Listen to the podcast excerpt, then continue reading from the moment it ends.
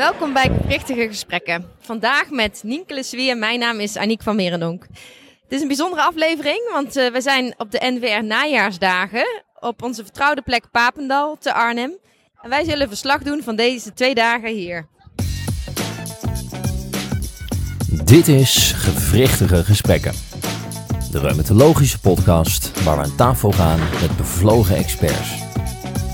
Nou, we staan nu bij de, uh, in de Athenazaal na de sessie over de behandeling van reumatoïde artritis. En bij ons aangesloten zijn drie van de sprekers van deze sessie. Naast mij staat professor Annette van der Helm uit het LUMC.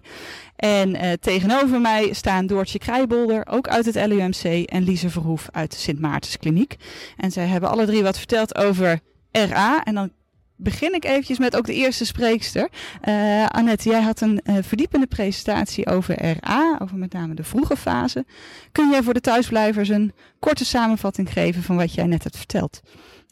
Uh, dank je voor deze vraag. Um, Goh, nou, to make a long story short, short, ik denk dat we gekeken hebben naar welke winst we gehaald hebben met de verbeterde behandelingen de afgelopen 30 jaar. Um, en dat hebben we apart gedaan voor de ACPA-positieve en ACPA-negatieve RA-patiënten. En dan, als we eerlijk zijn, zien we dat de meeste winst is gehaald door de ACPA-positieve RA-patiënt. Maar als je de verbeteringen bekijkt voor de ACPA-negatieve RA-patiënt over de afgelopen 30 jaar op lange termijnsuitkomsten, zijn die, is die groep er eigenlijk tot nu toe nog heel weinig op vooruit gegaan. Uh, dat was een eerste deel van de presentatie. Daarnaast hebben we gekeken wat er gebeurt als je mensen met UA meer gaat behandelen. En ook dan valt het eigenlijk wat tegen wat de lange termijnsverbeteringen zijn. Dus de DAS gaat wel wat om naar beneden, maar lange termijnsuitkomsten gaan nog weinig naar beneden. Um, Vervolgens hebben we een knipoog gemaakt naar het verhaal van Doortje, maar daar kan zij denk ik zo zelf wat over vertellen. En we hebben ook gekeken naar het stoppen. Hoe kan dat dan? Bij wie kan dat dan? Um, dat kan nu bij een klein deel van de ACPA-positieve RA-patiënten, ongeveer 15 procent. Uh, en bij een groot deel van de ACPA-negatieve RA-patiënten, en die kunnen we herkennen omdat ze ook vaak een hele snelle behandelrespons na vier maanden hebben. En dat stoppen, dat vind ik heel belangrijk, met name voor als we steeds vroeger willen gaan behandelen. Want als je er vroeger op gaat, dan zou het mooi zijn ook als je vroeg af kan. Als je er vroeg op gaat en nooit meer stopt, dan heb je eigenlijk alleen maar juist de ziektedeur verlengd. Dus dat is ook een oproep om te blijven op te letten of we wel niet naar beneden kunnen, kunnen stoppen. Ja. Ja. Nou, dat was een heleboel voor. Uh, dat is een hele mooie samenvatting. Je had daarbij ook hele duidelijke take-home messages. Dus uh, pas starten als er echt klinische artritis is. Dat is eigenlijk ook wat je zegt. Ja. Ik denk dat we vooralsnog, uh, een Doortje laat nieuwe dingen zien, maar vooralsnog zou ik zeggen start als er klinische artritis is. Ja. En stop er dus ook op een gegeven moment weer mee. En, en wees gewend te stoppen als dat niet meer hoeft. Ja. Vroeg starten, maar ook durven stoppen. Zeker. Besluit. Ja. ja. Is denk ik een heel mooi bruggetje naar inderdaad jouw verhaal, Doortje. Want jij hebt, uh, nou je mag het gewoon zelf vertellen eigenlijk wat jouw uh, studie was. Ja, zeker, dankjewel. Ja. Um, ja, de studie die ik heb gepresenteerd is de Treat Earlier Trial. En daarin hebben we gekeken naar een tijdelijke behandeling met methotrexaat gedurende één jaar. Om te kijken of we daarmee aan de ene kant de uh, progressie van mensen met artralgie naar RA kunnen verminderen. Maar ook de ziektelat langdurig kunnen verminderen. En we vonden het daarbij heel belangrijk dat die tijdelijke behandeling ook echt voor langdurigere effecten zorgde. Ook nadat die behandeling al was gestopt. En we zagen dat de progressie naar RA uiteindelijk nou, iets werd vertraagd misschien, maar niet werd voorkomen.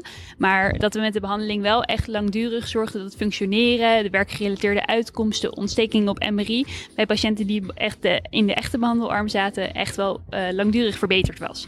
Dus um, het, ja, een half, het is een beetje of het glas half vol of half leeg is, inderdaad. Maar wat dat betreft, dus uh, deels positief, deels negatieve uitkomst. En we zijn eigenlijk de eerste trial die ooit hebben gekeken naar die patiëntgerapporteerde uitkomsten en functioneren ook. En. Daarmee ja, zijn we de eerste die dit vinden. Dus ik denk dat het heel hoopvol is, maar nog iets te vroeg net om daar op basis daarvan inderdaad al, al onze huidige richtlijnen helemaal om te gooien. Dat is dus eigenlijk ook wat jij zegt, Annette, dat uh, ondanks deze studie nog niet al die patiënten met alleen artralgieën gaan behandelen. Ja, dus het is een beetje dat glas half vol, glas half leeg, uh, wat Doortje net zei. Ik denk dat we nog wel iets meer willen weten. Wat de waarde is, wat zijn de langetermijnsuitkomsten. Die Treat wordt nog verlengd met vijf jaar follow-up.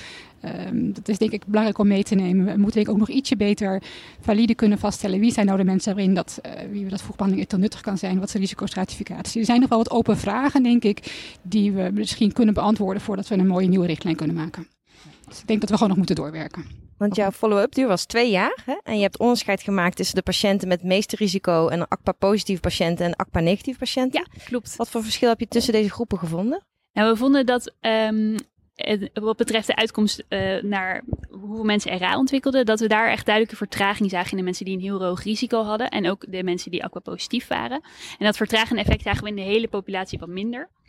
Dus dat is eigenlijk voornamelijk het verschil. Maar het uh, behandeleffect wat we zagen voor de patiënt gerapporteerde uitkomsten en MRI-inflammatie, dat was eigenlijk in al die subgroepen aanwezig. En uh, je patiënten uh, die je hebt behandeld, die hebben een jaar lang metrixaat gekregen. Mm -hmm. en ik begrijp, jullie gaan dus nog langer kijken. En dat blijft dus zo. Die patiënten kregen gewoon één jaar metrixaat en je gaat gewoon de patiënten Klopt, vervolgen. Op het moment dat mensen ja. artritis RA ontwikkelden, dan, dan gingen ze verder terug, werden ze regulier behandeld. Dus die behandeling kunnen mensen eventueel wel hebben gekregen. Maar we ver, ja, de verlenging is verder observationeel. Dus ze krijgen verder geen studiemedicatie op dit moment meer. Ja. Klopt, ja. En Lise, jij had ook nog een praatje um, over toch wel een beetje andere categorie, maar over extra lage doseringen met, of, uh, metotrexaat. Reductiemap. Klopt, ja, dank je. Uh, ik mocht de lange termijn extensie van onze REDO-studie presenteren. En daarin hebben we patiënten die aan de primaire studie deelnamen eigenlijk langere tijd uh, gevolgd. Dat was observationeel. In de primaire studie, de REDO, wilden we kijken of patiënten die al goed reageren op de standaard lage dosering rituximab, dus dat is één keer 1000 milligram in een half jaar, ook nog lager konden gaan. Daar hadden we wat aanwijzingen voor in observationeel onderzoek. Uh, en in die trial hebben we dubbelblind gekeken of uh, een ultralage dosering van 1 keer 500 milligram of 1 keer 200 milligram niet uh, slechter is op effectiviteit dan um, 1 keer 1000 milligram. Um, de meeste patiënten gingen heel erg goed, hadden een goede respons, maar die non-inferioriteit van die ultralage doseringen konden we niet aantonen. Dus vandaar dat we een langere termijn extensie hebben gedaan om te kijken, um, ja, hoe gaat het met die patiënten op een langere termijn? Kunnen we een soort behandelstrategie met ultralage doseringen aanhouden? Uh, blijven ze rituximab gebruiken? Uh, dat soort zaken wilden we in deze extensie uh, onderzoeken. we hebben dus de deelnemers aan die trial uitgenodigd en 118 mensen van de 142 hebben we langere termijn kunnen volgen. De gemiddelde follow-up duur was 3,2 jaar. En um, met uh, betrekking tot ziekteactiviteit zagen we eigenlijk dat er wel significant net een iets lagere DAS te zien was als jij een hogere dosering rituximab had ontvangen. Maar dit waren eigenlijk geen klinisch relevante verschillen. Dus dat bleef binnen de NI-marge die wij hadden gespecificeerd van tevoren. Um, verder zagen we uh, eigenlijk geen relevante verschillen in bijwerkingen. Ook niet opmerkelijke uh, zaken qua co-medicatiegebruik van deze patiënten. En ook een heel groot deel bleef ook die ultralage dosering rituximab gebruiken. De laatste dosering die wij konden, um, zeg maar die, die geregistreerd was voor deze mensen in de studieperiode, was voor 30% de 200 milligram, uh, voor 40% de 500 milligram en voor 30% toch die 1000 milligram weer. We zien eigenlijk dat, um, en ook de meeste patiënten bleven gewoon rituximab gebruiken. Dus er was slechts uh, voor zeven patiënten een switch in de medicatie naar een andere biological te zien. Dus um, uh, wat we wel uh, ook nu hebben kunnen bekeken is de, bekijken is de röntgenschade van de patiënten. Um, daarin um, ja, konden we geen significante verschillen zien tussen mensen met verschillend ontvangen dosering rituximab. Maar er waren wel wat aanwijzingen dat mogelijk die röntgenschade toch wat toenam bij de lagere doseringen. Dus kunnen we niet helemaal uitsluiten dat daar toch ook iets meer te zien is. Dus Kortom, een behandelstrategie lijkt wel uh, mogelijk, maar uh, met, ja, met een soort afweging tussen mogelijke risico's, maar ook natuurlijk de voordelen van uh, minder geven. Ja. Die, die benoemde je ook, hè, onder andere COVID, ja, vaccinatierespons, ja, ja. waar het blijkbaar morgen nog een praatje over, over komt.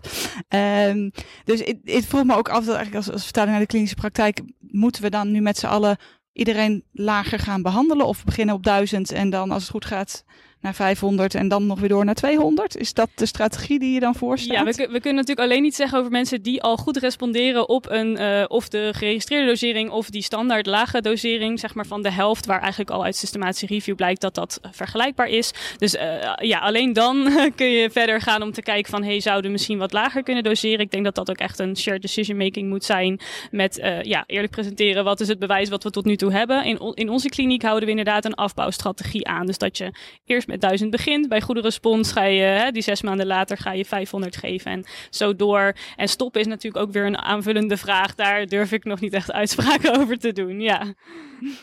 Ja.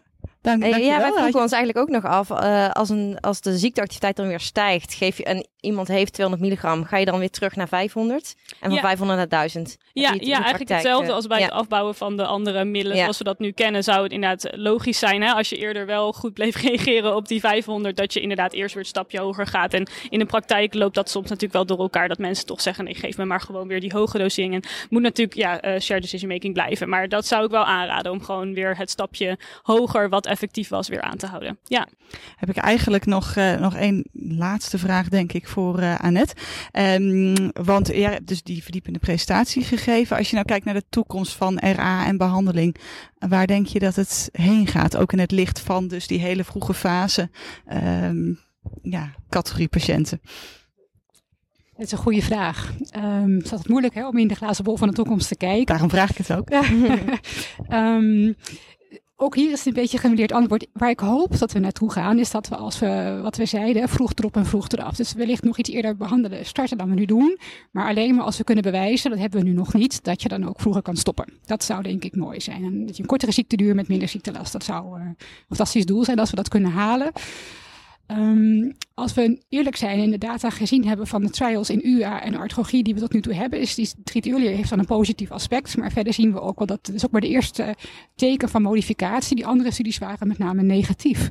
Ehm dus dat, die uitkomst was daarbij het ontwikkelen van RA. Die andere hadden diabetes niet uitkomst op ziekte uh, meegenomen. Dus misschien um, moet dat het focus ook wel zijn. Maar um, dus of we dat zeg maar, of zo'n hele vroege behandeling modificeert, daar hebben we eigenlijk nu pas voor het allereerst met het early wat bewijs voor. En eigenlijk waren al die andere studies negatief. Dus ik hoop dat we halen wat we net zeiden. Meer, meer evidence dat vroeg behandelen langdurige verbetering geeft voor patiënten en hopelijk ook een soort kortere ziekteduur. Maar tot nu toe is het één studie. Ja. Uh, ik hoop dat er meer data op deze manier gaat volgen en dat we wat kunnen bereiken. Ja. De, nou, de, toekomst zal leren.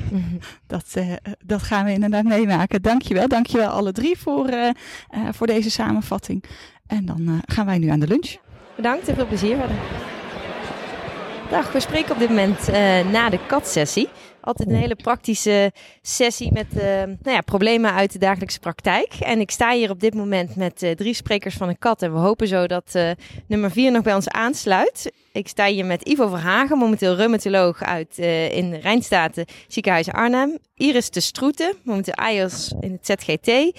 Nienke Le Suy, AIOS in Radboud UMC. En we hopen dat zo nog aansluit Zineb Essaytunu, AIOS in het Amsterdam UMC. Allereerst zou ik graag beginnen met uh, Ivo. Inspirerend verhaal met, uh, over jicht. En de titel van jouw verhaal was Gecompliceerde jichttofie, mes of medicatie. Kun je ons meenemen in jouw verhaal? Wat was jouw vraagstuk? Wat waren je resultaten? En waarmee moeten wij vooral verder morgen in de spreekkamer? Oké, okay, nou, dat zijn een hele hoop vragen tegelijk. Ik ga proberen het allemaal te beantwoorden. Um, ik had een, een, vraag eigenlijk van bij een zeer complexe patiënt met, uh, met TOFI, um, die zo groot zijn dat je je bijna niet kan voorstellen.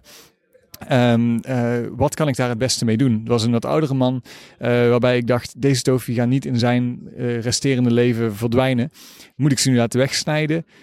zijn er zeg maar, nog dingen in de, de toolbox van de reumatoloog die, um, die daarbij kunnen helpen? Daarbij heb ik ingezoomd op uh, chirurgie en op uh, waarbij rasburicase in Nederland gebruikt wordt en in het buitenland pegloticase beschikbaar is. Dat, um, um, daarbij heb ik een, een pico gemaakt en ge, gekeken wat de beschikbare literatuur is. Er is jammer genoeg geen enkele head-to-head -head analyse, was mijn eerste korte conclusie van mijn verhaal. Maar er zijn wel een hele hoop interessante dingen over dit onderwerp te zeggen. Waarbij het uh, belangrijkste is dat uh, er zeker wel een plek is voor chirurgie. En dat hoewel mensen vaak bang zijn dat uh, wonden niet meer dichtgaan en dat het niet goed komt als je een tovus opereert, dat heel erg mee lijkt te vallen als je naar de, literatuur kijkt. En wat betreft de uricases, dat in ieder geval pegloticase hele mooie data beschikbaar zijn als het gaat om het laten ja, van tofi bij ook hele extreme patiënten. Dus als uh, we dan een, een, een, advies voor de praktijk moeten meegeven. Bij uh, gecompliceerde uh, TOFI denk zowel aan uricases zoals rasburicase als aan de chirurg.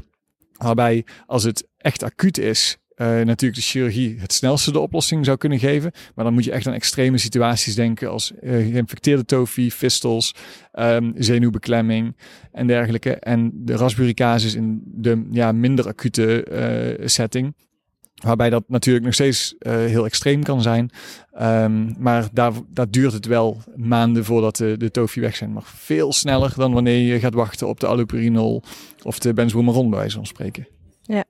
Vond het ook uh, interessant om te zien dat eigenlijk het infectierisico bij de, bij de chirurgische optie eigenlijk uh, vrij beperkt leek. Maar daar had je ook een opmerking over. Hè?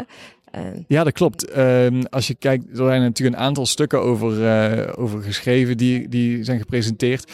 Um, waarbij ze allemaal zeggen van nou, dat infectierisico dat valt wel mee. Maar de, de kanttekening daarvan is echt wel dat je um, natuurlijk een publication bias hebt. Als, je, als het misgaat, wordt het vaak niet gepubliceerd. En er is sowieso, dat is ook zeker een belangrijke um, punt in mijn hele verhaal. Dat er heel veel te weinig wordt gepubliceerd over de patiënten die uh, geopereerd worden aan hun jicht.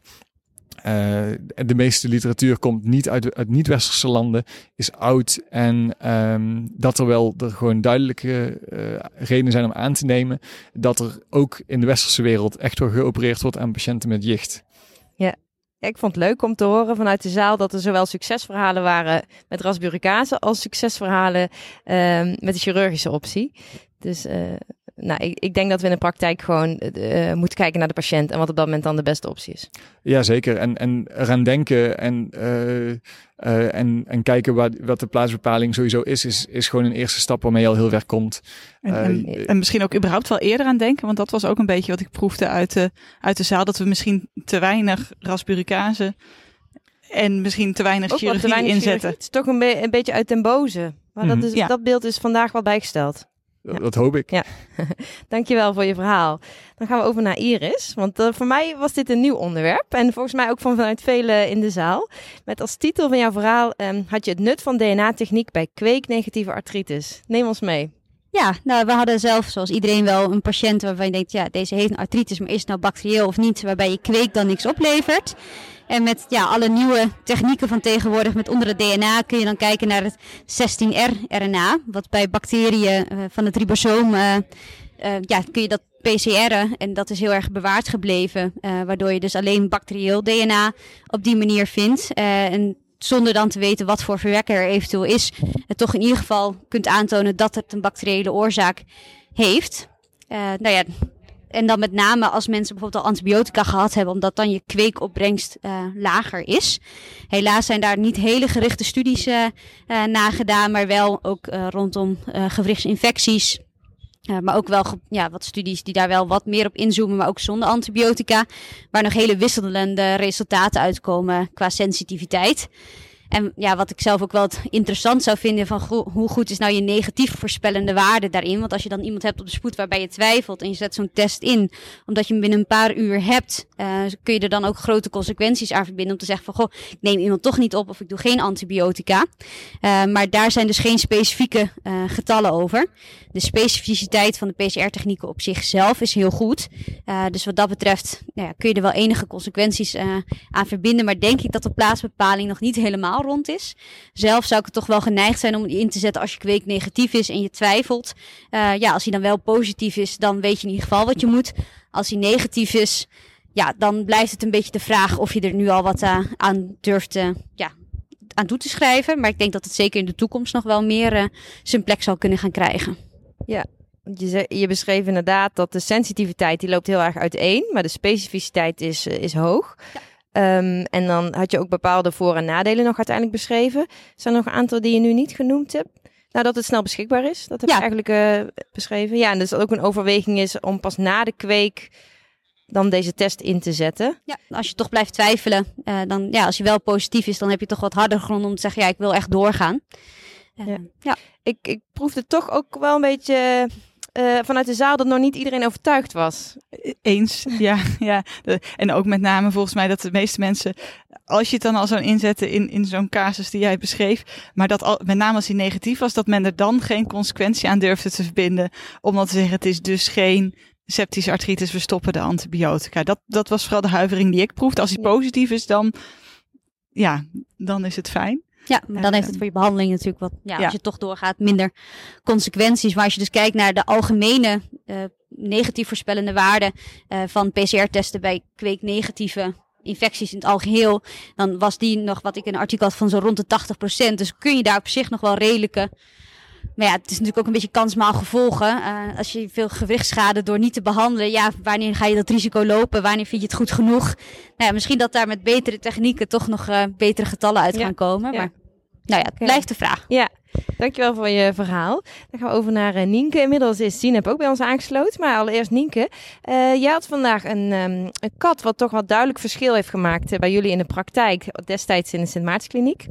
Kun je vertellen? Jouw titel van jouw verhaal is prednison als premedicatie bij rituximab. Intraveneus of wellicht ook oraal? Ja, ja, dat was inderdaad de vraag. Naar aanleiding van dat de, de hele infuusbehandeling in de maartskliniek uh, aangepast ging worden en, en efficiënter uh, gemaakt moest worden. En dit was een van de vragen die naar voren kwam. En ja, het antwoord is eigenlijk vrij kort. Er is één studie op dit uh, gebied bij rituximab, oraal prednison versus IV-prednison. En eigenlijk maakt het heel weinig uit qua acute infuusreacties, want dat is waarom we het geven natuurlijk. Um, dat er heel weinig verschil zit tussen die groepen. En uh, naar aanleiding van, uh, van de kat is het protocol in de maartskliniek inderdaad aangepast. En wordt daar nu prednison oraal een half uur voor het infuus gegeven in plaats van IV. Wat met name heel veel scheelt in de handelingen voor de verpleegkundigen. Um, de wachttijd voor de patiënt. Want nu krijgt een tabletje prednison. Infuus wordt ondertussen geprikt. Dat half uur wachten is zo voorbij en de reductiemap start. Terwijl eerder infuus prikken, spuit klaarmaken, prednison erin. Dan een half uur wachten. Dus in totaal scheelt het een kwartier per patiënt. Waardoor er één extra infuus per dag weer gegeven kan worden. Wat natuurlijk bedrijfsmatig uh, heel interessant is. Want SEC, de, de bijvoorbeeld kostenbesparing door medicatiekosten. Ja, dat is uh, weinig. Um, en er is nog een gedachte dat het mogelijk voor de patiënten minder bijwerkingen uh, geeft, omdat de dosis die in de studie was 40 milligram oraal en de uh, gebruikelijk is dus eigenlijk 100 milligram IV. Dus dat is ook nog een potentieel voordeel. Ja. Kleine 8000 euro uh, beschreef je dat het op jaarbasis ja. scheelt, maar vooral veel logistieke handelingen bij de verpleegkundigen. Ja. Uh, dat met name. En, en de, dus de, de, de planning wordt er makkelijker door. Dat is eigenlijk het, uh, ja. het grootste voordeel voor hun geweest. En het SMK gaf al 50 milligram IV en nu 50 milligram oraal. Ja. Je vertelde dat de beschikbaarheid eigenlijk uh, vrijwel gelijk is. Ja. het aantal uren in, in wanneer ja, het dan werkzaam waar, is. Ja, ik zeggen wanneer de T-max is. En dat, dat is eigenlijk ja. vrij gelijk tussen die twee. Dus zou het wat dat betreft ook niet eens zo dus heel veel moeten uitmaken of je het nou IV of oraal geeft was op het laatst nog een kleine uh, vraag van of dat je hem überhaupt wel nodig hebt bij rituximab 500 milligram. Dus daar gaan we misschien dan in de toekomst naartoe. Ja, ja, en ook of uh, er gaat een studie ook komen uit in maart naar subcutane rituximab. En daar wordt helemaal geen premedicatie meer gegeven. Ook ge geen prednison, maar ook geen clemastine bijvoorbeeld. Dus dat is ook interessant hoe dat dan zit met uh, uh, ja, spuitreacties dan. Of, ja. Hè, dan heb je natuurlijk geen infuus meer. Ja. Nee, ja. heel helder verhaal. En ik denk dat je voor anderen de ogen hebt geopend uh, om het ook aan te passen. Wie weet. Um, dan gaan we door met voor ons een helemaal nieuw verhaal. Dit was in een andere zaal. Uh, Zineb, welkom. Je bent AJOS in het AUMC. En jouw verhaal uh, heeft als titel Slowly but Surely tocilizumab in de behandeling van refractaire polymyalgia rheumatica. Klopt helemaal. nou, ik moet maar meteen zeggen dat het niet meer ging over uh, refractaire PMR, want daar zijn eigenlijk geen studies uh, naar gedaan. Dus uh, uiteindelijk is de kat een beetje omgevormd naar primaire PMR, of eigenlijk een eerste episode PMR. Um, en wat ik eigenlijk wilde onderzoeken is of tocilizumab nou inderdaad een effectief middel is als prednisonspaarder bij patiënten met, met PMR. Dat er eigenlijk niet echt richtlijnen hebben daarover. Althans, tocilizumab wordt niet genoemd in de richtlijnen. Um, en bij ons in het lokale protocol wordt vooral gezegd, nou, uh, als metotrexaat het niet voor de patiënt heeft gedaan, kun je overwegen tocilizumab uh, te doen. Um, nou, ik denk de conclusie van mijn kat was dat nou ja, het eigenlijk nog steeds wel heel moeilijk is of je wel of niet tocilizumab moet geven. En dat je het per casus denk ik wel moet uh, behandelen. En het heeft ook te maken met nou ja, dat er eigenlijk heel weinig studies zijn gedaan en ook heel weinig goede studies gedaan naar de effectiviteit van tocilizumab. Um, en ja, dat die resultaten eigenlijk niet uh, extrapoleerbaar zijn naar de klinische praktijk.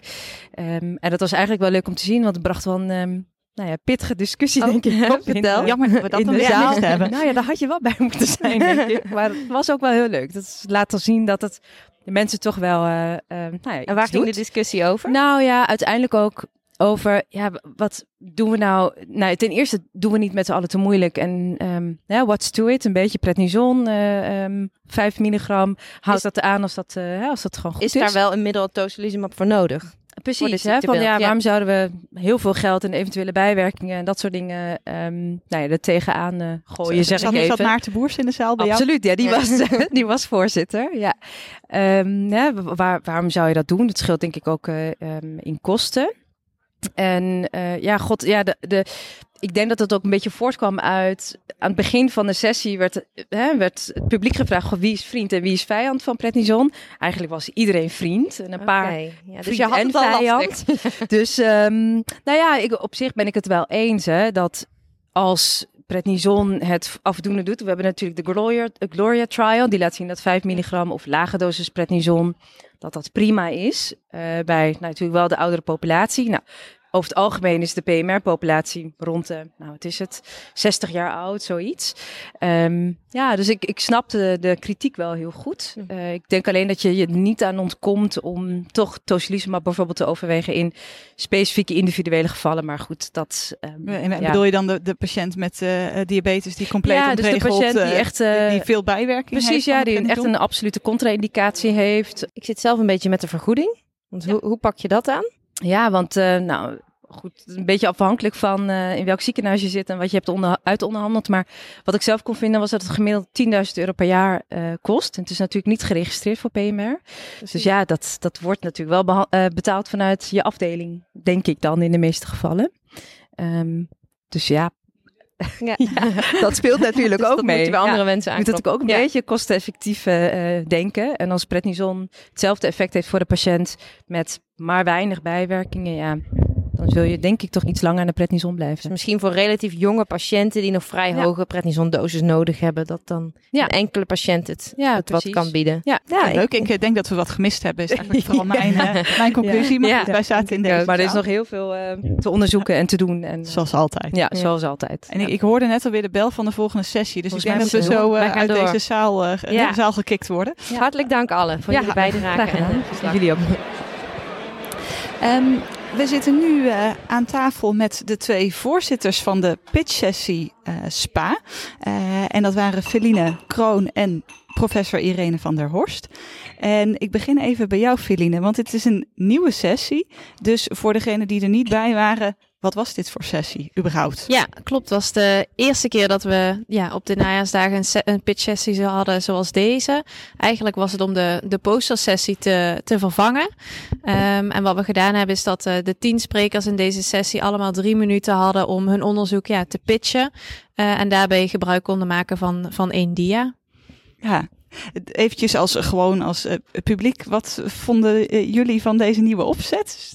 Feline, jij ook als eh, gewoon consument van de NWR najaarsdagen? Ja, ik dacht wel, je hebt wel, eh, je kijkt wel naar alle posters die er zijn. Soms je loopt misschien wat sneller soms langs een poster die niet helemaal aansluit bij wat je, wat je doet of zo. En nu luister je naar alle verhalen. Dus wat dat betreft krijg je wel wat meer mee, denk ik, van de, van de Ja. posters dan eerder. Ja, ik Ja. vond het wel leuk.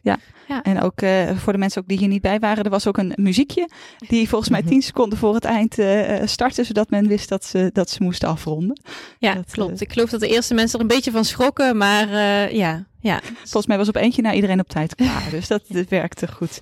En dan naar de inhoud en dan ga ik, eh, ga ik vooral naar Irene eh, ook kijken.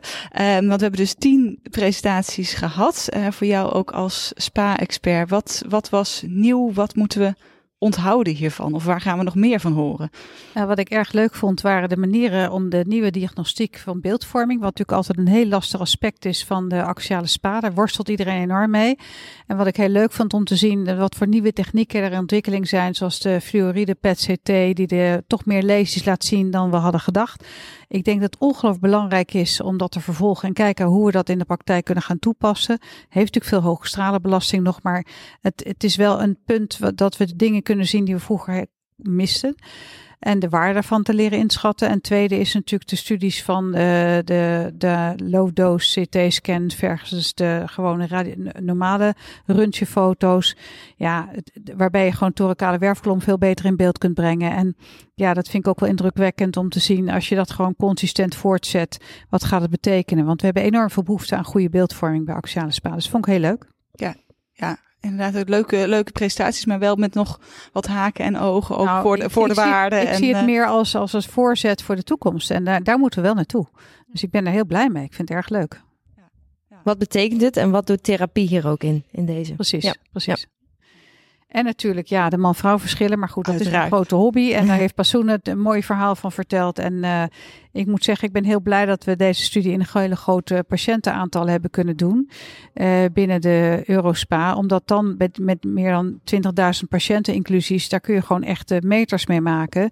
Uh, anders blijf je toch een beetje hangen van de kleine aantallen. En die, die substantiële seksenverschillen met minder goede effectiviteit van TNF-blokkers bij vrouwen, dat zie je hier heel duidelijk in terug. Ja, want wat ik, wat ik zelf heb opgeschreven is dat er 15% uh, verschil ongeveer zit in, in respons tussen de mannen ja. en de vrouwen. In het nadeel van de vrouw. En dat is natuurlijk toch een zorgelijk punt. En dat zie je niet alleen bij uh, axiale spa, maar ook bij artritis psoriatica, waar de prevalentie van de ziekte voor beide geslachten even hoog is. Dus we, we weten gewoon nog onvoldoende hiervan. En uh, we moeten daar echt meer onderzoek naar doen om dat boven water te krijgen en hoe we dat kunnen verbeteren, die behandeling.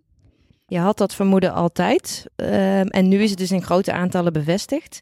Dus ze responderen minder en ze stoppen eerder met de, met de Dat klopt, dat ja. klopt. Ja, en dat vroegen wij ons onderling tijdens de presentatie af. Dat is dan ook gelijk het nieuwe aan die specifieke studies, dat het in zulke grote patiëntenaatallen. Ja, maar ook psoriatica, hè? bij, uh, ja, bij ziekte van Bechterew of de AS hadden we het al in andere studies al door de, uh, wat ik al vanmiddag heb laten zien, in een andere sessie, hebben we laten zien dat we gewoon door heranalyse van grote clinical trials het al vonden. En dit is nu bevestigd in een, een daily life cohort in heel veel landen van, de, van Nederland, van de wereld. Zeg maar. Dus dat bevestigt dit patroon. Ja, dus we gaan hier nog meer van horen. Ik denk het wel. Ja. En uh, Feline, voor jou ook als gewoon dokter in de, in de dagelijkse praktijk, wat, ne wat neem jij mee vanuit deze sessie? Ja, ik vond het ook wel opvallend uh, hoe vaak die uh, psoriasis gemist werd bij ja. patiënten met axiale spa. Dat ik een beetje terugdacht aan mijn polies en dacht, ja, ik vraag het inderdaad wel, maar ja, ik vond dat heel opvallend. Uh, zeker iets om uh, ja, direct mee te nemen, om daar toch nog wat kritischer naar, uh, naar te kijken. En, ja. en denk ik ook de, de boodschap van Anneke, um, laat een foto zien aan je patiënt. Ja, ze weten het gewoon niet nee. wat het is misschien, ja. Ja, ja. ja. Dat, was een, dat was een onderzoek vanuit Groningen, waar inderdaad zelfrapportage, waarin ze de patiënten dus goed hadden geïnformeerd, de diagnose psoriasis verdubbelde. ja. ja. Ja, en uh, alvast vooruitlopend op de NVR volgend jaar, moeten we de pitch-sessie erin houden? Jullie als, uh, als voorzitters? Ja, wat, wat mij betreft wel. En ik denk als onderzoeker zou ik het ook heel leuk vinden om hier te presenteren. Er is gewoon net wat meer podium voor, uh, voor wat je wil zeggen. Ja. ja. Ik vind het een heel leuk uh, concept, maar het lastige is dat je nu minder interactie hebt tussen de onderzoeker en de mensen die langskomen. Dus verdiepende gesprekken, dat heb je minder duidelijk in dit geval. Het is meer een show en dan misschien dat die verdiepende gesprekken straks plaatsvinden. Maar dat, die interactie die je direct bij een poster hebt, dat mis ik een beetje. Ja, daar heb je gelijk in, ja. ja, ja. Nou, dat laten we aan, de, aan het organiserend comité uh, over. Uh, had jij nog een vraag? Annie? Geen toevoeging van u. Nee. Oké, okay. dankjewel allebei. Graag gedaan. Graag gedaan. Succes. Nou, we staan hier uh, op dag 2 van de NVA najaarsdagen en we hebben zojuist de sessie e-health uh, bijgewoond. En we praten vandaag met professor Astrid van Tubergen uit het uh, MUMC en met AJOS Robin ten Brink van LMMC. Jij was de dagvoorzitter vandaag. Hoe heb je de sessie ervaren? Ja, hartstikke leuk eigenlijk. Ja, volgens mij is het een, een heel dynamisch, uh, dynamisch veld waarin veel uh, leuk onderzoek uh, wordt gedaan. En ik denk dat we zeker een aantal leuke abstracts gezien hebben in deze sessie. Ja, ja. Nee, zeker. Misschien kunnen wij starten met Astrid van Tubergen. Want jij gaf vandaag een inleiding in telehealth. Ja. Je stond hier vier jaar geleden ook al, ja. zei je. We hebben met elkaar gehad over waarom is het belangrijk, maar ook welke barrières zijn er. Kun je nog een, een, een korte toelichting geven op wat je ons vandaag hebt verteld? Ja, nou ja, we zien uh, ja, steeds meer uh, dat, dat de digitalisering als toverwoord wordt gezien voor ja, de oplossing van de zorgen die, waar we tegenaan lopen. Hè? Dus capaciteitsproblemen. Um, ja, we, we, zien steeds meer mensen ouder worden met chronische ziekten, maar we mogen niet uitbreiden wat betreft zorgverleners. dus ja, we moeten naar oplossingen op zoek gaan. Ehm, we hebben uh, uh, verschillende oplossingen in de praktijk die kunnen toegepast worden, maar we zien dat ze de weg naar de praktijk niet goed vinden. Um, daar lopen we enorm tegenaan. Um, mensen of zorgverleners, laat ik het zo zeggen, vinden het vaak toch eng om gebruik te maken van dit soort middelen. Patiënten zijn niet zo heel erg vaardig in digitale middelen gebruiken. dus er zijn heel wat uitdagingen bij de toepassing daarvan in de praktijk. En daar ging eigenlijk deze presentatie over. Ja. ja. Je vertelde ons ook over het keurmerk, wat er tegenwoordig nodig is. Ja, en wat... klopt. Ja, dus de CE-markering die je nodig hebt als je een uh, aan gegevensuitwisseling via um, apps of wat dan ook doet. Um, als je dat niet hebt, uh, loop je risico op een hele hoge boete. Dus daar moet je echt voorzichtig mee zijn. Um, en daardoor zie je ook weer dat diverse ja, apps er weer teruggetrokken zijn, omdat ze gewoon niet het risico willen lopen op die boete. Ja, ja dat waren best wel forse bedragen, weet je. Ja, die, uh, ja, noemde inderdaad. Ja, ja, het risico op, op tonnen boetes kan je lopen. Ja. Ja. Dus iemand die uit enthousiasme iets ontwikkeld heeft uh, voor zijn eigen praktijk om zo mensen op te volgen, ja, wees daarvan bewust gewoon dat je um, over die CE-markering beschikt of dat je je systeem onderbrengt bij een bedrijf uh, die dat voor jou kan regelen. Ja. ja. Wat mij ook opviel vandaag is dat we het er over hebben gehad. Wat de verschillende redenen zijn waarom, waarom de adherentie, eigenlijk waarom de, uh, waarom de patiënten het uiteindelijk niet meer invullen. En dat eigenlijk ook een heel groot percentage is wat uiteindelijk niet meer de app bijvoorbeeld invult. Ja. Um, hebben jullie daar nog een toelichting op? Of, ga je gang, Astrid. nou ja, uh, er zijn heel, het is multifactorieel. Het is niet één reden voor te bedenken waarom mensen niet uh, zo'n app invullen. Um, we zien vaak dat er ellenlange vragenlijsten uh, voor worden gelegd. En het zijn steeds dezelfde vragenlijsten. Dus op een gegeven moment worden mensen een beetje moe daarvan. Um, we zien ook dat mensen bijvoorbeeld als ze hele lage ziekteactiviteit hebben, geen zin hebben om uh, bezig te houden met hun ziekte. Um, ja, wat uit een van de presentaties kwam, is als je vrouw bent, dan ben je ook wat minder ja. geneigd om uh, deze apps trouw in te vullen. Dat vond ik op zich wel een bijzondere. Kan je ook niet zo heel veel aan veranderen, denk ik dan weer. Maar ja, dus de, eh, de vraag is een beetje, wat kan je wel aan interventies daarop zetten om, om dat beter te laten doen of laten worden. En, en dat is bijvoorbeeld door gebruik te maken van gamification. Daar is een voorbeeld net ook langs van gekomen. Um, dus een fun factor toevoegen aan je app om, om mensen op die manier te triggeren om steeds terug te komen. Ja, dat kan een oplossing zijn bijvoorbeeld. Uh, ja. ja. En, en, Robin, ik vroeg me nog, jij bent ook uh, AIOS en je staat nog redelijk aan het begin van de, van de opleiding in die zin.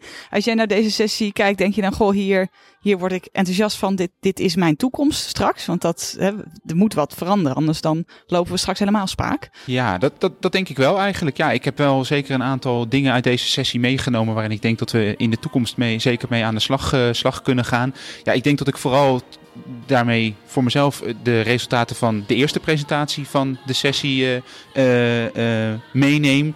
Waarin gekeken is van het gebruik van een, een smartphone-app. Waarbij patiënten zelf iets kunnen zeggen over nou ja, wanneer zij zorg nodig hebben of wanneer zij ja, uh, ja, ja, dat, dat ja. ze geen vaste afspraken hebben. maar dat ze hebben. Maar de eigenlijk. Ja, ja, dat we veel meer gaan naar een patiënt-geïnitieerde zorg. Ja, hè? Dus dat uh, de patiënt geeft aan wanneer het nodig is en wordt ondersteund door dit soort apps. Ik denk ook dat we daar vooral naartoe moeten gaan. Ja, ja. de valkuil is daar natuurlijk een beetje bij dat je misschien een selectie van patiënten daarmee... Hè, uh, maar de vraag is of dat heel erg is. Ja, wat net, ja. Wat net ja, dat hoeft toch niet dat voor is iedereen? van mensen die daar heel goed toe in staat is. Hè, die moet je dat ook gewoon aanbieden.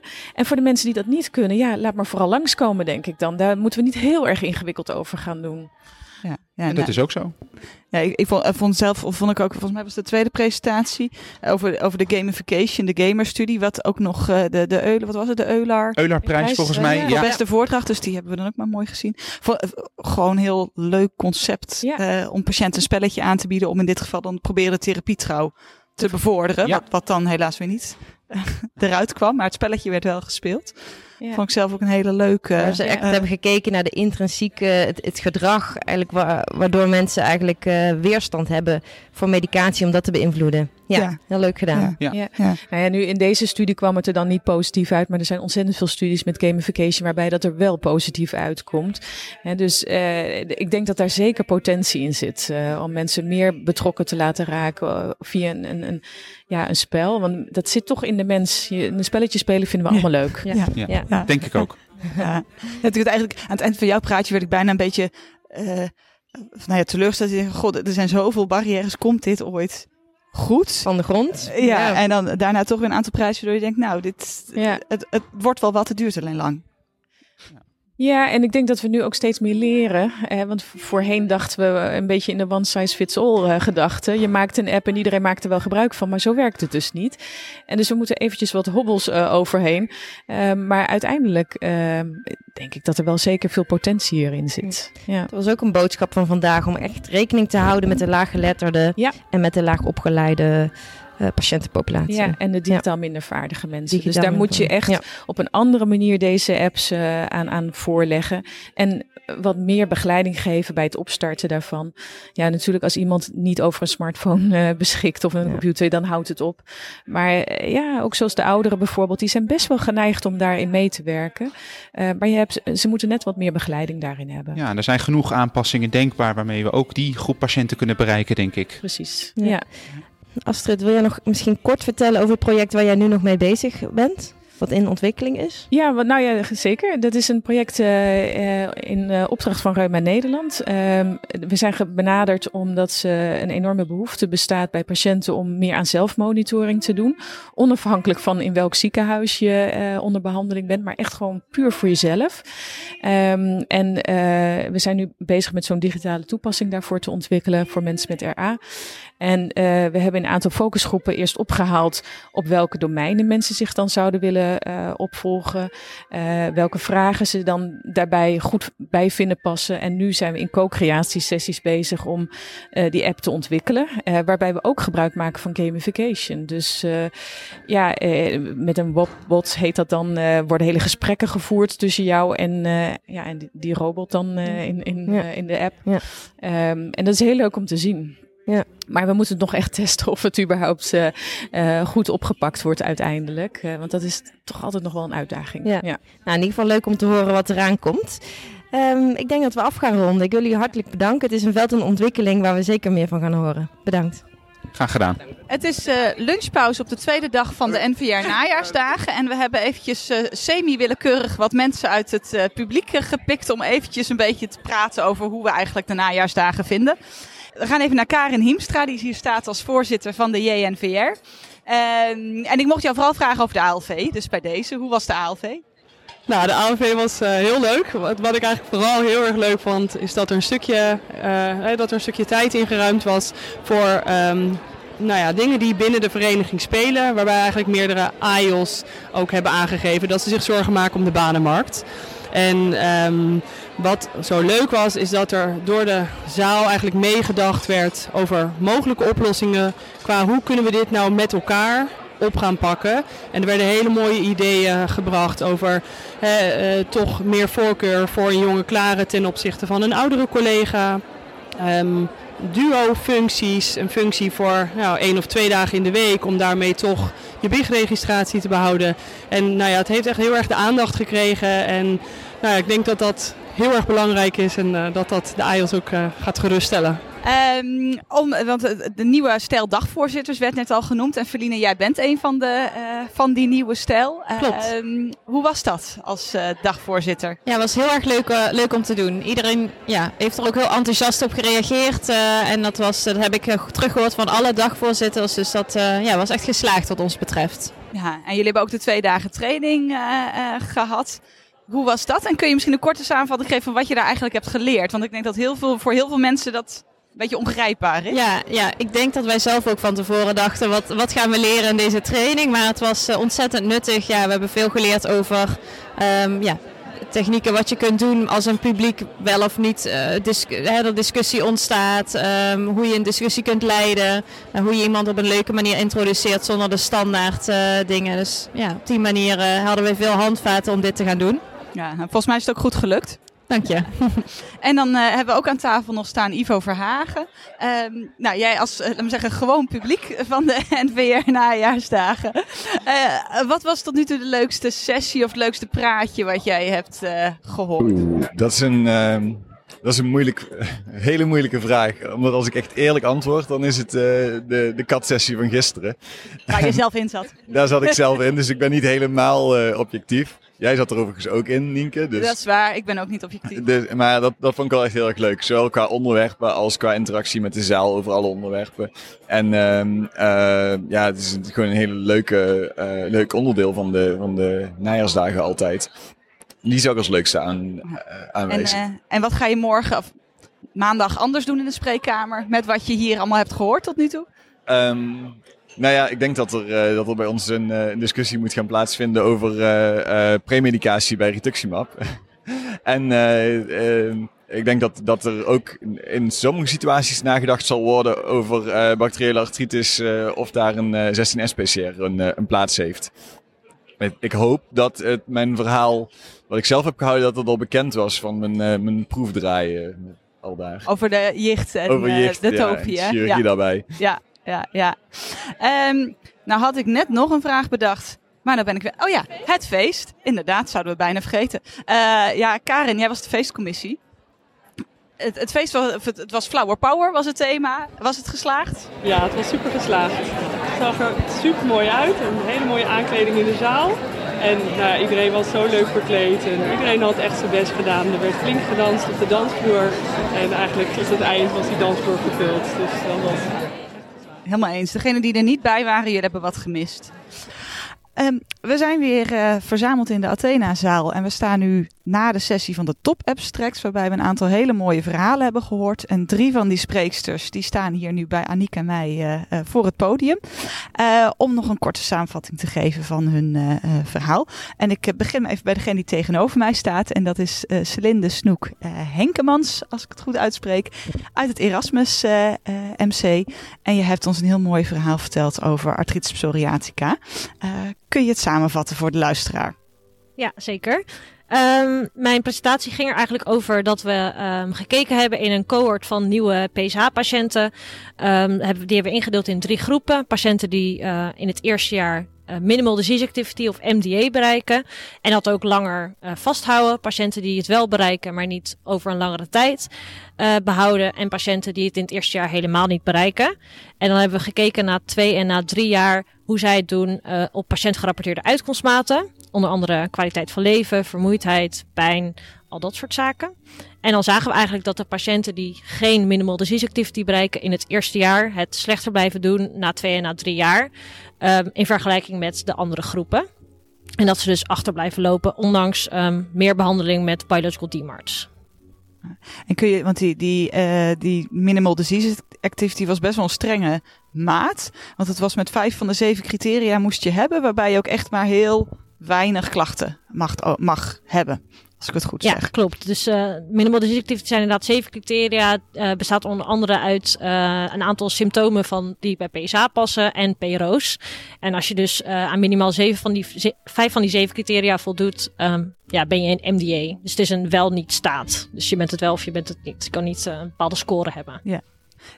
Je wilde ook wat vragen, ja, ik, ik vroeg me af, was er een bepaald punt wat uh, patiënten met name niet behaalden? Als ze niet in MDA kwamen, um, was dat met name gewrichten of pijn? Of... Uh, ja, we zagen dat de patiënten die geen MDA behaalden eigenlijk het slechtste scoorden op inderdaad de vassen. Dus dat is de globale ziekteactiviteit VAS en de pijnvas. En ook de HAK. Um, maar ook op de andere maten uh, scoorden ze wel beduidend slechter dan de andere groepen. Maar die drie uh, die ik net noemde waren eigenlijk degene waar ze het meest op, ach op zeg maar. Ja, en wat ik nog afvroeg, want in, in je presentatie had je het ook over dat het snel bereiken van die MDA, dat is dus belangrijk om die kwaliteit van leven ook dus lang daarna vast te houden. Maar wat, is, wat, wat uh, was die definitie van snel bereiken? Was het in de eerste maand, drie maanden? Uh, ja, wij hebben dat gedefinieerd als eigenlijk in het eerste jaar. Uh, dus we hebben groepen gemaakt van af baseline tot uh, 12 maanden. Um, en ja, snel was dan, dat is in elk geval dus op 9 en 12 maanden moesten ze dan in MDA zijn.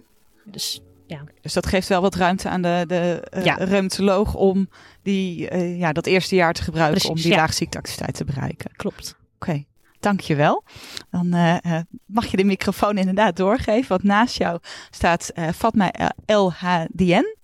Uh, uit het Amsterdam UMC, die ons net wat heeft verteld over uh, flares bij SLE en of infecties dat nou uh, ja, uit kunnen lokken. kun jij een samenvatting geven van jouw verhaal? Ja, we hebben dus gekeken naar intercurrente infecties als risicofactor voor ziekteflares bij SLE-patiënten. We hebben hiervoor een uh, prospectief cohortonderzoek uh, opgezet, waarbij we uh, door middel van proportional hazards modellen hebben geprobeerd een geschat risico te berekenen van een SLE-flare binnen drie maanden na een intercurrente infectie. En wat wij hebben gevonden is dat er een um, associatie bestaat tussen um, SLE-flares Um, drie maanden, binnen drie maanden na een intercurrente infectie. De hazard ratio daarvan is uh, 1,9. En als we dan kijken naar uh, het risico van een major flare binnen drie maanden na een major infectie, dan zien we dat die hazard ratio 7,4 is. Ja, is be best wel een groot, uh, een groot risico dan eigenlijk. Ja. En, en wat mij opviel, waar je eigenlijk mee begon, was dat dit altijd genoemd wordt als risicofactor, maar dat er eigenlijk nooit echt goed nog naar gekeken was. En dat verbaast me, want ik, ik, heb dat in mijn opleiding ook altijd gehoord.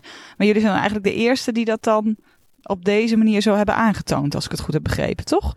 Ja, het uh, verbaasde me inderdaad dat er maar heel weinig onderzoek hiernaar is verricht. En zoals ik ook tijdens het plaatje zei, de meeste onderzoeken die zijn gedaan, die focussen zich dan op één specifiek pathogeen. En wij zijn dan een van de weinigen inderdaad die hebben gekeken naar infecties in het algemeen. Ja. En wat ook nog als vraag uit de zaal naar voren kwam van, maakt nou, is dat effect niet doordat medicatie gestopt wordt omdat mensen een infectie hebben, dat ze dat, dat advies krijgen? Uh, maar dat was niet zo, hè? Nee, geen genoeg uh, hebben wij dat niet gevonden. Ik moet wel zeggen dat wij een best klein, een klein aantal um, infecties hadden die, die dan gevolgd werden door een flare. Dus um, kan niet met, he met heel veel zekerheid zeggen, maar inderdaad in onze patiëntpopulatie lijkt, uh, die, uh, lijkt het stoppen van medicatie geen belangrijke de determinant te zijn. Hoe groot waren de getallen in jouw studie qua infecties? Dat je zegt het was beperkt?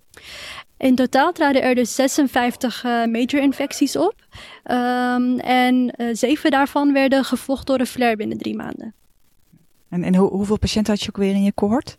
203. 203, ja. Ja. Gaat het nog vervolg krijgen uh, bij jullie dat je het in een grotere studie uh, gaat doen, voor zover je weet?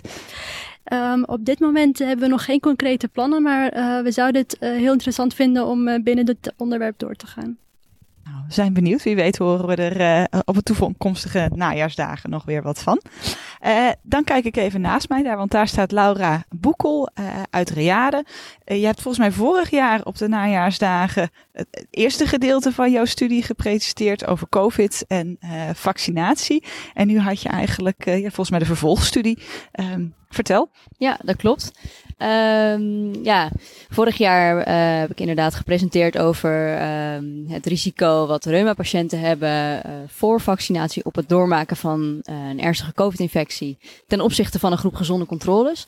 binnen het ARC hebben we een prospectief cohortonderzoek opgezet um, om die vraag te beantwoorden. En op het moment dat de vaccinaties opkwamen, hebben we de studie voortgezet om dit ook na vaccinatie te bekijken. en daar ging deze presentatie over of patiënten na vaccinatie een groter risico hadden om op zowel het doormaken als het ernstig doormaken van een doorbraakinfectie ten opzichte van die gezonde controles. Um, ja, en de data was eigenlijk heel geruststellend. Uh, we zagen dat dat uh, vergelijkbaar was, zowel voor de Delta-variant uh, als voor de Omicron-variant. behalve voor de groep patiënten die behandeld wordt met anti-CD20-therapie. wat we eerder zagen was dat zij ook een achterblijvende humorale immuunrespons hadden na vaccinatie. Um, en dit ja, lijkt dan ook te resulteren in een hoger risico om nog steeds ernstig ziek te worden. wat dan ook weer met name relevant is voor de patiënten die ook andere risicofactoren hebben, zoals uh, leeftijd um, en comorbiditeit als hart- en vaatziekten. Ja, dus eigenlijk wat we al wisten van vorig jaar, dat rituximab, dat we daar toch wel uh, ja, een beetje voorzichtig mee moeten zijn in COVID-tijd, wordt eigenlijk nu weer opnieuw bevestigd uh, voor die doorbraakinfecties. Ja, klopt. Ja. ja. Er kwamen vooral ook heel veel credits vanuit de zaal voor, voor je onderzoek en de manier waarop jullie het hebben opgezet en met een vingerprik. Kun je ons daar nog iets meer over vertellen, over de patiëntenaantallen en het, uh, het platform wat ja, jullie hebben? zeker. Uh, er doen ongeveer 3000 uh, patiënten met reumatische aandoeningen mee en zo'n 1000 gezonde controledeelnemers.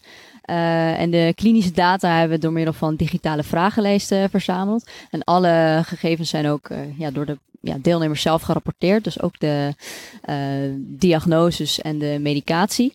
Uh, en om bloed te verzamelen hebben we inderdaad gebruik gemaakt van vingerprikken. Uh, en die sturen we dan naar de deelnemers thuis, zodat ze zelf uh, een buisje bloed konden afnemen. Dat werd dan direct naar het laboratorium van Sanquin gestuurd. en daar zijn vervolgens de analyses op antistoffen gedaan. Um, en zo konden we eigenlijk met een ja, heel klein groepje onderzoeken. Ik was de enige onderzoeker eigenlijk in die periode. En een paar studenten die kwamen helpen om pakketjes in te pakken binnen, ja, binnen één of twee weken gewoon naar 4000 mensen ja, die pakketjes sturen. En dan hadden we heel snel uh, die analyses. Ja, ja. Wow. Ja. Indrukwekkend uh, verhaal. Van vorig jaar was dat ook al volgens mij uh, Klopt, uh, ja. op de NVR. Wat ik me nu ondertussen nog afvroeg, want direct na jou kwam een praatje vanuit de Maartskliniek door Celeste van der Tocht over ook reductiemap, maar dan dosering in relatie tot die vaccinatierespons. Hebben jullie eigenlijk naar dosering gekeken? Of was dat überhaupt mogelijk in jullie cohort? Nee, wij hebben inderdaad niet naar dosering gekeken, maar ik geloof dat de, eigenlijk op Reade de patiënten wel behandeld worden met de standaard dosering, dus de 1000 uh, milligram. Um, maar nee, daar, daar hebben we inderdaad niet naar nee, gekeken. Nee, want dat was inderdaad de conclusie van de, de, degene na ja. van Celeste, dat ja. een lagere dosering rituximab betere uh, vaccinatierespons ja, geeft. Precies. Dus het is interessant dat, om te kijken of dat dan ook op de op de klinische gevolgen uh, effect Ja, ik wil zeggen, want als je dat doortrekt met jouw studie, dan zou dat potentieel dan toch ook ja. minder problemen moeten geven. Dus nou, heel interessant.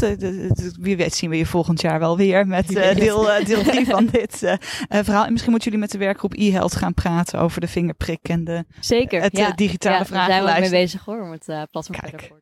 Heel goed. Um, dankjewel alle drie voor, voor jullie samenvatting en eet smakelijk. Dankjewel. We zijn alweer na- aanbeland bij de laatste sessie van de NVR Najaarsdagen. En daarom zit ik hier nu met Paul Iske, die ons net wat heeft verteld over briljante mislukkingen. Uh, Paul, voor degenen die er niet bij waren, uh, je bent Chief Failure Officer. Kun je dat uitleggen? Ja, ik ben de CFO van het Instituut voor Briljante Mislukkingen. Juist, en wat doe je dan met het instituut? Nou, ik heb een hele lange geschiedenis op het gebied van innovatie, vernieuwing in allerlei omgevingen. En iedere keer merk je hoe moeilijk het mensen vinden om te praten over de dingen hoe ze echt zijn gegaan. We delen heel graag de successen, maar de dingen die uh, lastiger waren, uh, ja, die vergeten we vaak. En dat is heel zonde, want daar valt ook een hele hoop van te leren in de eerste plaats. En in de tweede plaats is het ook heel belangrijk dat mensen dingen blijven doen, ook als ze niet zeker weten of het gaat lukken. Dus zij moeten wel die vrijheid kunnen hebben om dat soort dingen te kunnen blijven doen. Oké, okay, en dat probeer je te bevorderen met jullie instituut? Ja, ik probeer te bevorderen dat mensen in vrijheid dingen kunnen blijven ondernemen waar ze in geloven, die belangrijk zijn. En aan de andere kant, als dingen dan anders lopen dan gepland, ook uh, in staat zijn om daarvan te leren en die lessen met anderen te delen. Een van de dingen die naar voren kwam in, uh, in je verhaal was dat een briljante mislukking is niet zomaar een mislukking. Um, maar wat is dan een briljante mislukking en hoe weet je dat of hoe kun je dat herkennen? Ja, uh, kijk, je kunt ook gewoon domme dingen doen en, ook echt fouten maken. En dat doe ik trouwens ook hoor. Maar laten we nou eens beginnen met de dingen waar we echt met z'n allen waardering voor zouden moeten hebben. Zaken die we proberen, uh, waarvan we weten dat er ook onzekerheden zijn. En in die complexe wereld waarin wij leven heb je altijd te maken met onzekerheden. Uh, die dingen die mensen doen, daar moet je waardering voor opbrengen. Um, en ja, wat maakt een mislukking dan ook daadwerkelijk briljant? Nou, dat betekent aan de ene kant dat je dingen doet die de moeite waard zijn. Dat je je daar ook inzet. Dat je de risico's goed afweegt. Dat je uh, het een beetje slim aanpakt. En dat je er iets van leert en die lessen deelt met anderen. Nou, dat geeft samen vijf letters. De V van de visie, wat was je van plan? De I van je inzet, de R van risico's, de A van aanpak, de L van leren.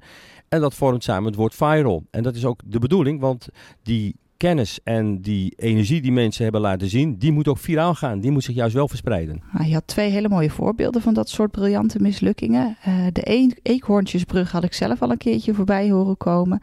Maar voor jou stond het ook symbool voor een patroon in die mislukkingen uh, die ook in de zorg voorkomen. Ja, ik kijk heel veel naar uh, de onderliggende redenen waarom dingen misgaan. Dat noem ik faalpatronen. Hè? En als je faalpatronen weet te herkennen, dan word je faalintelligent. En het voorbeeld waar jij naar verwijst, dat gaat over het feit dat er op een gegeven moment een snelweg is aangelegd en daardoor een bos eigenlijk in twee werd gekliefd. En aan beide kanten van de weg uh, dieren leven, in dit geval een eekhoorntjes met name. En die moeten bij elkaar kunnen komen, maar ja, als ze de weg oversteken, dan is dat levensgevaarlijk. En dat uh, vinden we zielig. En om die beestjes te helpen werd een brug gebouwd. En vervolgens bleek na twee jaar dat die brug door slechts één eekhoorn was gebruikt. En uh, ja, de mensen vonden dat dus allemaal een, een slecht project. Nou, ik vond dat een hele mooie poging om iets voor die beestjes te doen. Maar de vraag is dus, waarom is dat mislukt? Wat is de onderliggende reden? Nou, een van de meest belangrijke redenen in dit hele verhaal is dat niemand iets aan die eekhoorn heeft gevraagd. Nou, en dat zullen mensen ook herkennen in hun eigen omgeving. Zeker ook in de zorg met zoveel schrikkelijk veel spelers. Waarbij de ene het helemaal goed bedoelt, maar vergeet de andere erbij te betrekken. En dat is ook, uh, hebben wij gezien, een reden voor veel uh, mislukkingen in de zorg. Als het gaat over zorgvernieuwing. Dat mensen met hele goede ideeën komen, maar eigenlijk te laat die mensen, of die partijen erbij betrekken die, die het uiteindelijk betreft. Ja, die moeten we onthouden dus. En er was er nog eentje die veel in de zorg voorkomt, maar die ben ik eventjes weer kwijt. Kun je die nog even benoemen? Nou, uh, dat is uh, de Canyon. Uh, en de kenning gaat over het feit dat, dat je met ingesleten patronen wordt geconfronteerd. Dat is overigens ook menselijk. Hè? Als wij dingen heel vaak doen, repeteren, dan worden we daar goed in. En dan, ja, dan, dan wordt het voor ons makkelijk om te doen, maar wel moeilijk om het anders te doen. Dat zie je ook, ook in organisaties. Hè? Dan krijg je te maken met procedures en protocollen en richtlijnen, dat soort dingen. En die dingen die zijn er natuurlijk niet voor niks. En die zijn ook niet toevallig daar gekomen. Dat is vaak gebaseerd op op inzichten die je in het verleden hebt opgedaan. En in het verleden bleek dat dan een goede manier van werken te zijn of een handige manier van werken. Alleen als je met vernieuwing te maken krijgt, met verandering, kunnen die bestaande patronen, die bestaande canyons, kunnen jou in de weg zitten. En die canyon, dat komt dus vanuit de metafoor van rivieren die heel lang stromen en dan van die hele diepe canyons uitgraven. Uh, zonder te weten dat het misschien op een andere manier zou kunnen. Want ja, zij zijn gelukkig in die canyon en die hebben helemaal geen weet meer van hun omgeving. Oké, okay, mooie voorbeelden. En vooral ook denk ik een hele duidelijke oproep aan iedereen om niet alleen je succes te delen, maar ook vooral de dingen die minder gaan. Um, en juist ook misschien nog wel bij een congres zoals vandaag. Ja, en dat is ook heel belangrijk, want als je ook kijkt in de, in de wetenschap, hè, dus uh, nog breder dan alleen de zorg, ja, daar is men altijd uit op doorbraken. En als je iets wil publiceren, hè, speciaal in de mooie journals, ja, dan moet je wel met een doorbraak komen. Um, en die doorbraak is vaak in een uh, beperkt gebied. En, en oké, dus heel belangrijk voor dat betreffende gebied. Maar er zijn heel veel andere dingen die je zou kunnen leren. En mensen die een fantastisch project hebben gedaan, heel erg hun best hebben gedaan, ook veel hebben geleerd, alleen niet die doorbraak hebben gerealiseerd waar ze naar zochten, die komen in zekere zin niet aan, aan het woord. En dat is frustrerend, dat is één punt. En een ander punt is het eigenlijk ook best wel dom, want die kennis die die mensen dus hebben opgedaan, die komt dus ja, niet, niet voor het licht. En die wordt dus niet gebruikt, waardoor mensen misschien met dezelfde uitdagingen, uh, moeilijkheden met samenwerking, includeren van voldoende uh, testpersonen, noem maar op. Dat zijn zijn dingen waar we allemaal tegenaan lopen. En het zo zonde is dat dat soort kennis eigenlijk heel weinig belicht wordt. Op jullie website staan ook voor, voorbeelden, noemde je in de presentatie. Kun je die nog even noemen voor de luisteraars? Ja, we hebben een website dat heet Brimis. Afkorting van briljantemislukingen.nl. Daar staan zo'n beetje 200 mislukkingen op. Allemaal uh, een beetje zo gestructureerd dat je kunt zien, ja, wat was nou eigenlijk de bedoeling? Uh, hoe hebben ze het aangepakt? Wat kwam eruit? Wat hebben ze geleerd aan de hand ook van die faalpatronen? En in heel veel gevallen ook een stukje storytelling in de hand, aan de hand van een hele korte video. Zodat mensen ook een indruk krijgen van ja, maar wat, wat voor energie zit er nou? Welke mensen zitten erachter? En dat is een hele laagdrempelige manier om de belangrijkste kennis over te dragen. Waardoor, en dat is eigenlijk een van de belangrijkste doelen van, uh, van ons uh, werk, van ons instituut, uh, mensen straks niet onnodig hoeven te mislukken, want er is nog genoeg ruimte om op andere manieren te mislukken. Nou, dankjewel Paul, dat was een hele mooie afsluitende boodschap. En laten we allemaal briljant mislukken en dat ook vooral met elkaar delen. Doe dat, dankjewel. En dan zijn we bij deze ook aan het einde gekomen uh, van de NVR najaarsdagen. En daarmee ook van, uh, van deze speciale aflevering van de, uh, onze podcast Gewrichtige Gesprekken. we hopen dat jullie met plezier naar de najaarsdagen zijn geweest. Of anders. en of naar onze podcast hebben geluisterd. En we hopen jullie natuurlijk bij een volgende aflevering weer als luisteraar te mogen begroeten. Bedankt voor het luisteren naar Gewrichtige Gesprekken. Graag tot een volgende aflevering.